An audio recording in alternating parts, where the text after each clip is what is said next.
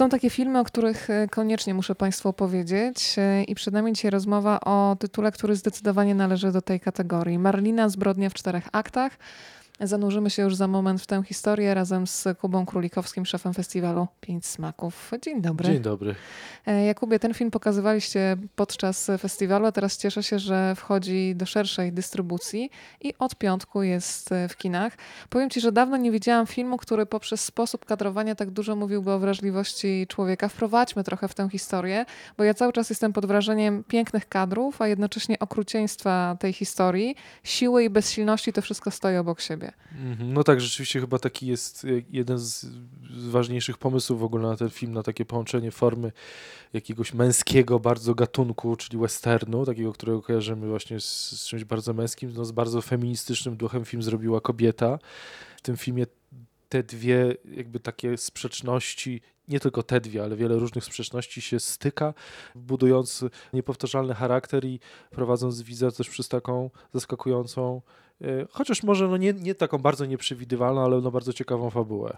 Ty jesteś przyzwyczajony do kina azjatyckiego, ale kino z tych rejonów świata rzadko wchodzi do szerokiej dystrybucji. To jest chyba moment satysfakcji, kiedy coś, co zauważyliście, wchodzi w końcu, jest i może cieszyć innych ludzi, nie tylko wąską grupę, która akurat zaliczyła festiwal. No tak, oczywiście jest to bardzo przyjemne, że wreszcie, wreszcie te, te filmy mogą y, być oglądane nie tylko w Warszawie w czasie festiwalu, czy we Wrocławiu w czasie repliki festiwalu, ale po prostu w całej Polsce, w każdym kinie. Zresztą Marlina Zbrodnia w czterech aktach rzeczywiście jest pokazywany w bardzo wielu miejscach w Polsce, we wszystkich większych miastach y, jest jakieś kino, które pokazuje ten film. Y, no, co do satysfakcji, właściwie mając pieniądze, można wprowadzić każdy film do kin. Tu, tu bardziej zadanie polegało na tym, że żeby przygotować publiczność, przygotować jakby kontakty, rynek, znajomości przekonać e, kina e, do tego, że, że taki film warto pokazywać, ale też prze, prze, przekonać media, dziennikarzy, no i widzów na samym końcu, że na taki film warto przyjść. Festiwal Pięć Smaków funkcjonuje już 12 lat, więc rzeczywiście w Warszawie mamy swoją publiczność. Myślę, że też mamy ją publiczność w innych miastach w Polsce, dlatego że co roku wiemy, że na festiwal przyjeżdżają do nas mieszkańcy innych miast, specjalnie na, na, na oglądać y, filmy. Co więcej, mamy też publiczność tak naprawdę europejską, bo w Europie nie ma wcale tak wielu festiwali, które pokazują azjatyckie kino. W Europie Środkowo-Wschodniej w ogóle nie ma takich festiwali, więc Myślę, że to wszystko się złożyło na to, że przyszedł taki moment, że uznaliśmy, że jest już czas, jest już ta nisza, która jest gotowa na to, żeby e, taką Marlinę zbrodnię w czterech aktach wprowadzić do kin i e, nie stracić na tym pieniędzy po prostu, tak? Ten film ma w sobie ogromną wrażliwość, stoi za nim kobieta, czyli Muli Surya. Kilka słów o niej dla widza, który spotyka się z nią po raz pierwszy. No, nie miał zbyt wiele e, okazji się spotkać z nią wcześniej, dlatego że jest to jej trzeci film. Choć jest to młoda reżyserka, zrobiła już trzy filmy. Jej poprzedni film był y, znany, na, oglądany na świecie. W Polsce nie był chyba w ogóle pokazywany. Y, on miał angielski tytuł What They Talk When They Don't Talk About Love i, i to był film o społeczności y, dzieci, młodzieży głuchoniemej. Bardzo bliski osobiście temat reżyserce, bo ze względów rodzinnych po prostu jakoś ten temat znała i chciała go zbadać trochę głębiej, opowiedzieć o tej społeczności, o tych ludziach z innej perspektywy, z takiej bardzo osobistej perspektywy i ubrać to wszystko właśnie w formę filmu, filmu fabularnego. I tak ta reżyserka pracuje nad filmami, to znaczy rzeczywiście wkłada w nie bardzo dużo swojego własnego doświadczenia, swojego własnego serca, y, jakiś oczywiście poglądów, doświadczeń, perspektywy. Akurat pomysł na Marlinę Zbrodnię w czterech aktach nie powstał w jej głowie. Y, z pomysłem na ten film przyszedł do Moli Suri Garin Nugrucha. To jest taki utytułowany indonezyjski twórca, reżyser, autor też wielu scenariuszy. On stworzył taki zarys, szkielet historii, który bardzo Muli, on stwierdził, że Muli będzie właśnie dobrą reżyserką do, do wydevelopowania tego, tego pomysłu na scenariusz i stworzenia potem ostatecznej wersji. Ona od razu kupiła, kupiła ten pomysł, razem pracowali nad scenariuszem, potem Moli rozwijała już go samodzielnie i y, w ogóle, kiedy powstał pomysł, nie było jeszcze nawet wiadomo tak naprawdę, gdzie on będzie y, zrealizowany, znaczy w której części Indonezji. Y, I Garinu Grucho i Muli Surya pochodzą z Jawy, z Jakarty, pierwotnie pomysł był, że, że właśnie gdzieś tam w tych w ich rodzinnych mie miejscach y, ten film będzie się, się rozgrywał, ale Muli szukała jakby odpowiedniego, odpowiednio bardziej pasującego do tej, do tej postaci, do jej charakteru y, części, części Indonezji i padło na wyspę Sumba. O niej pewnie jeszcze trochę opowiemy.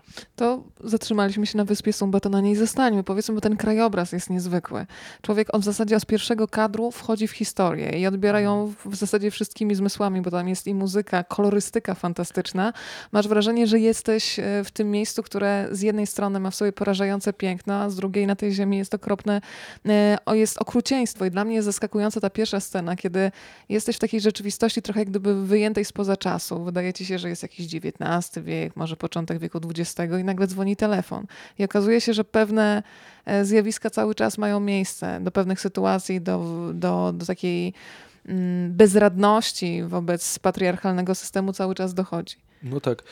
Wyspa Sumba jest wyspą, w której y, większość mieszkańców wyznaje islam, ale jest tam też bardzo dużo y, wyznawców jeszcze animistycznych wierzeń, albo takiego miksu właściwie islamu z wierzeniami animistycznymi. Postać zmumifikowanego męża to męża, jest to, co, no tak. co zostaje w głowie też. Tak, tak. Akurat tutaj, yy, jeśli chodzi o mumifikowanie zwłok, to rzeczywiście jest to coś, co się praktykuje nie tylko na Sumbie, a właściwie częściej praktykuje się to na innych wyspach na, na, na Sumbie praktykuje się coraz rzadziej, ale polega to na tym, znaczy na pewno e, jakby jest, jest, jest tak, że kiedy umiera ktoś w rodzinie, no to dużo czasu mija, zanim dojdzie do obrzędu pochówku, dlatego że ten pochówek musi mieć specjalną ceremonię, która jest kosztowna i po prostu musi rodzina być do tego odpowiednio przygotowana, także finansowo. E, w związku z tym na ten okres e, oczekiwania na pochówek zwłoki się mumifikuje. I są jak gdyby domownikami cały czas, są tak, częścią tak. danego domu. Tak, no właściwie można powiedzieć, że ta postać jeszcze jakby do końca nie umarła. Ona w zasadzie jeszcze jest pomiędzy światami. No tutaj jakby jeśli chodzi o te wierzenia i, y, a nawet jest tak naprawdę jeszcze w tym świecie. Te, te wierzenia to jest zupełnie inny i szeroki temat, który też warto sobie oczywiście pobadać po obejrzeniu tego filmu. Natomiast zwróciłaś uwagę na zdjęcia. E, operator tego filmu e, to jest, Junos jest stałym jej e, Mulisuri współpracownikiem. Wszystkie trzy filmy zrobiła razem z nim i sama mówi o, o współpracy z tym, z, tym, z tym genialnym artystą, że, że w zasadzie już teraz wy, wygląda ona trochę jak, jak bez słów, to znaczy ta symbioza jest rzeczywiście bardzo widoczna na, na ekranie. I... Ja już wiem, że będę szukała tych poprzednich filmów, ponieważ dawno mnie nie urzekł tak bardzo obraz. Tak, no ale Kadry, które zawłaszczają. Te, te w poprzednich jej, jej, jej, filmach aż tak te, te zdjęcia nie, nie robią takiego piorunującego wrażenia e, w, w, tym sensie, że, że te filmy nie dzieją się w tak pięknych e, krajobrazach. To jakby myślę, że operator wycisnął z tej wyspy i z tych krajobrazów naprawdę wszystko co najlepsze i w bardzo piękny sposób. Chociaż nie wszystkie zdjęcia, które Państwo zobaczą na ekranie, y, działy się w, w rzeczywistych lokacjach w Sumbie. Tam sporo ujęć zostało nakręconych w studio. Y, ale współpraca z operatorem jest y, jakby na tyle taka pewna i stabilna, że operator ma też duży wpływ, w, miał przy tym filmie duży wpływ w ogóle na przebieg historii, na jakieś lekkie modyfikacje y, scenariusza, także on, on, on, on może być na tą część reżyserską także wpływał. Charakter pewnych scen, jakby ich tempo, kolorystyka, taki temperament biorą się także z jego, z jego perspektywy, z jego punktu widzenia i z jego pomysłów. E, no i to, to rzeczywiście w tym filmie świetnie działa. Patrzymy tutaj na kobietę, która jest bezsilna, jednocześnie z tej bezsilności rodzi się siła. Tak jak jest to hasło, które promuje film, że jest to opowieść o kobiecej zemście, ale jednocześnie cały czas krążymy pomiędzy tymi światami życia i śmierci. Dla mnie też jest porażająca scena porodu, gdzie widać ten ból, który powoduje, że rodzi się człowiek, rodzi się mężczyzna, który znowu będzie pogardzał kobietą. Taki ciąg nieprzerwanych nieszczęść nieszczęść, nieprzerwanego okrucieństwa.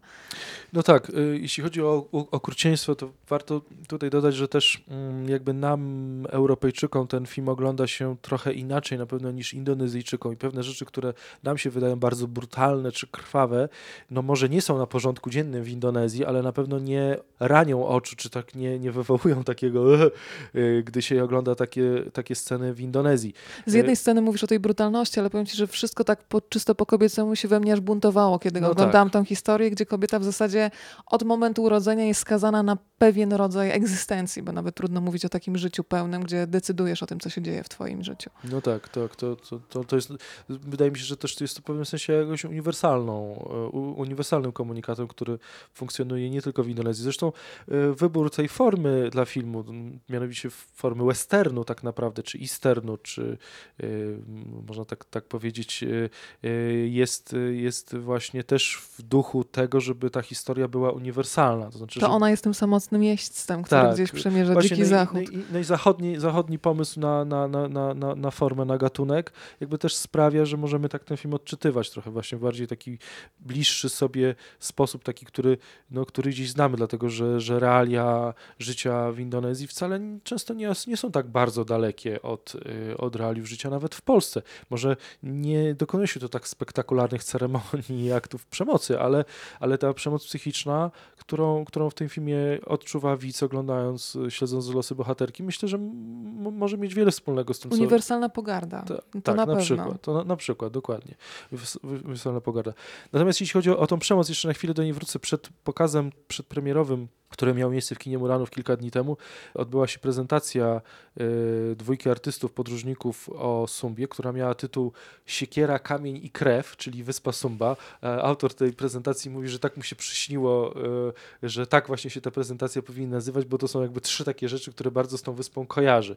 I, i rzeczywiście zdjęcia i, i fragmenty, fragmenty filmów, które pokazywali Grzegorz y, Drost i Alicja Łukasiak na tej prezentacji, często były bardzo brutalne i też autorzy prezentacji prosili, żeby jakby starać się nie oceniać ich z perspektywy osoby na przykład, która jest wrażliwa na cierpienie zwierząt i po prostu negować je absolutnie, tylko uznać, że no, taka jest tam tradycja. Właśnie akurat chodziło tutaj konkretnie o zabijanie zwierząt, czy sposób traktowania zwierząt od tysięcy lat i, i taka prawdopodobnie będzie. E, I e, i trochę, trochę należy się może od, od, od tego oderwać. Na przykład y, na, na plakacie e, filmu Marlina Zbrodnia w czterech aktach jest kobieta, która trzyma w ręku głowę swojego wroga, można powiedzieć, to, to niczego nie zdradza, jakby mówiąc o tym, jakby uważny widz zobaczy na plakacie tą głowę. E, I obcinanie głów e, nie jest czymś tak bardzo niezwykłym w Indonezji, nawet dzisiaj, więc, więc to jest takim aktem bardzo symbolicznym, powiedziałbym, i, i tak należy, y, czy, czy taką sytuacją symboliczną, symbolem bardzo, bardzo silnym i ważnym, który, który tak polecam i zachęcam do tego, żeby traktować. Oczywiście y, nie da się y, oglądać tego filmu nie, nie myśląc o nim, że jest często brutalny i taki krwawy, no bo on, on, on, on taki rzeczywiście jest, ale wydaje mi się, że bardziej chodzi tutaj o to, żeby te reżyserce i twórcom tego filmu chodziło o to, żeby, żeby te sceny miały charakter symboliczny i właśnie kontrastowały z, z całym tłem historii, niż żeby po prostu epatować czymś brutalnym. Dokładnie, dla mnie jest zaskakujące, że tak brutalne sceny jednocześnie wcale nie gdzieś nie zamazują tego wrażenia, że to jest bardzo subtelna i pełna czułości opowieść. No właśnie. bardzo istotna jest właśnie ta, ta czułość obrazu, spojrzenia. Marlina Zbrodnia w czterech aktach to jest film, który jest nominowany do tak zwanych azjatyckich Oscarów. Aż w czterech kategoriach doceniono zdjęcia, dźwięk, scenografię i mm, rolę kobiecą. Dzisiaj się dowiemy w Macao, y, w jakich kategoriach zostanie faktycznie wyróżniona, czy zostaną tylko nominacje. No i skoro nominacja mm, do najlepszej roli kobiecej, to trzeba powiedzieć o twarzy, która po prostu zostaje w człowieku, czyli Marsha Timothy. Powiedzmy trochę o tej pani, bo ma w sobie coś hipnotyzującego, magnetycznego. Tam nie ma dużych środków aktorskich. Ona jest na tym ekranie i mam wrażenie, że im mniej gra, tym bardziej jest i tym bardziej pociąga widza, wciąga w tę historię. Mm, No tak, chociaż, y, chociaż te, to, to, że takie mamy wrażenie, że ona mało gra, no to jest jej, jej, Kunszt aktorski. jej kunszt aktorski, gigantyczny talent. To jest, to, jest, to jest wielka postać dla kina indonezyjskiego, bardzo znana i ceniona aktorka, y, której, z którego zaangażowania do głównej roli Muli Surya była bardzo dumna. Y, Świetnie się z nią pracowało na planie, zresztą aktorka też jest bardzo zadowolona ze współpracy z tą reżyserką i ma nadzieję na, na, na więcej. Znaczy, że, rzeczywiście, jeśli no, my nie znamy jakby w Polsce ani w Europie gwiazd indonezyjskiego kina, ale no, jest to twarz taka y, bardzo y, no, znana, ceniona, bu- budząca szacunek, respekt, bo jest to dojrzała aktorka no, z niezwykłym wachlarzem możliwości. Piękno zewnętrzne, ale od razu widać piękno człowieka w środku. Na Tak. nią się patrzy i to nie jest takie piękno, które mamy z tych europejskich wzorców, nabotoksowane bez emocji i, i No bez tak. wyrazu twarzy, tylko coś, co, co od razu budzi. Ona ma tajemnicę też w sobie. To jest chyba najciekawsze. No tak, są filmy, w których wygląda zupełnie inaczej, nie? Także to zbudowała tutaj naprawdę wyjątkową rolę. No i też, też mm, jakby doskonale rozumiała się z reżyserką, jeśli chodzi właśnie o przesłanie, które chcą tym filmem przekazać, tak? Bo, bo jest jakby też o tym mówi aktorka w wywiadach y, o, o sytuacji kobiet w Indonezji, w ogóle sytuacji kobiet na świecie, jakby z tym bardzo się utożsamia, co też na pewno pomogło, pomogło budować tą rolę i takiej właśnie postaci z jednej strony mm, no, upokorzonej, z drugiej strony w środku bardzo y, wrażliwej, silnej, pewnej siebie, brutalnej niestety także tam wtedy, kiedy jest to niezbędne i konieczne dla obrony własnej godności. W tym filmie tak naprawdę nie, nie pada dużo słów. y, Dużo więcej jest na przykład muzyki. Też muzyki, która trochę się chyba wpisuje w tę konwencję westernu. No niektórzy mówią właśnie, że muzyka w filmie przypomina trochę nawet e, Ennio Morricone i spaghetti westerny, bo myślę, że też był trochę taki cel, żeby, żeby w ten sposób też nawiązać do tego gatunku zach- zachodniego. E, No tak, no muzyka jest, jest, jest, też, jest też, też bardzo, bardzo e, cenioną e, warstwą tego filmu, też, też nagradzaną. W naszych mediach społecznościowych nawet opublikowaliśmy już parokrotnie linki do soundtracka tego filmu, który podobno w Indonezji się bardzo dobrze sprzedaje. Spotykamy się dzisiaj przy okazji filmu Marlina Zbrodnia w czterech aktach, no ale podpytam o przyszłość festiwalu. Mogę zapytać? Jasne. Wiadomo, co będzie? No bo Oj, do festiwalu jeszcze daleko, festiwal się odbywa w listopadzie. pytam z niepokojem, bo wiem, jakie są losy dofinansowania. Aha, dofinansowanie y, jakby jest y, problemem tylko jedna instytucja na szczęście, ale festiwal się bez względu na to, jak się potoczą te losy odbędzie, no najwyżej będzie troszkę może odrobinę mniejszy, E, a plany, plany się w tej chwili kształtują. Jesteśmy w, no, w pierwszej, w pierwszej po, połowie e, roku, kiedy e, jakby jest taki najwyższy, najgorę, najgorętszy czas, jeśli chodzi o, o, o festiwale. Właśnie zaczyna się za chwilę, zaczynają się największe targi azjatyckiego kina e, w Hongkongu, na których e, będziemy. E, Dzisiaj rozdanie azjatyckich nagród filmowych, z którą to Akademią też bardzo współpracujemy i też tam jesteśmy. Jagoda Murczyńska, programerka festiwalu, jako jedyna przedstawicielka Polski, polskich mediów i polskich festiwali jest obecna na zaproszeniu oczywiście tej Akademii w Macao.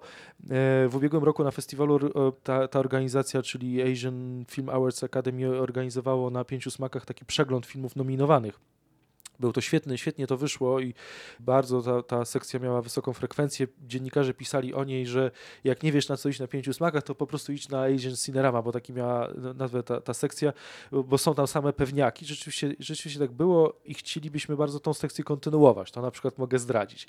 Bo Oczywiście będzie konkurs, 11 filmów, właściwie już jest prawie, prawie ten konkurs, y, wiemy co, co w nim pokażemy. Mamy nadzieję, że uda nam się tam jeszcze kilka, kilka filmów, jakby y, te, te procedury formalne z nimi y, dopiąć. E, No a pozostałych punktów programu jeszcze nie chcę zdradzić. One szczerze mówiąc jeszcze takich 100% pewnych jeszcze żadnego, żadnego cyklu poza tymi dwoma, które powiedziałem teraz nie ma, bo mamy tam jeszcze kilka niewiadomych, no ale pomysłów na prezentowanie azjatyckiego kina naprawdę mamy wiele i starczy, starczy nam, nam jeszcze wiele lat i w przyszłości, jeżeli nie w tym roku, to w przyszłych latach mogą się Państwo spodziewać przeglądów filmów z Filipin, retrospektywy filipińskiej, przeglądu animacji e, azjatyckiej, ale nie anime, e, przeglądu musicali z Azji, przeglądu filmów z Tybetu. To są sekcje, nad którymi pracujemy i które zaowocują konkretnym programem filmowym, jeśli nie w tym, to w przyszłych latach. Apetyt w takim razie zaostrzony, a to co wyczekane dużo bardziej smakuje, więc czekamy. Jakub Królikowski, szef festiwalu Pięć Smaków, był dzisiaj razem z Państwem. Bardzo dziękuję. Dziękuję bardzo. Tradycją w programie Rozmawiam, bo lubię jest to, że opowiadamy Państwu o dobrym kinie i jednocześnie dostarczamy bilety do kina Muranów. Nie inaczej będzie i tym razem. Dwa podwójne zaproszenia trafią w ręce pierwszych osób, które prawidłowo odpowiedzą na pytanie, które już teraz Państwo usłyszą z ust Jakuba Królikowskiego. Jak nazywała się sekcja e, festiwalu w Cannes, w której film Muli Suri miał swoją premierę światową? Rozmawiam, bo lubię, małpa gmail.com. Rozmawiam, bo lubię, małpa gmail.com. Dwa podwójne zaproszenia czekają. Bardzo dziękuję za to spotkanie. Dziękuję.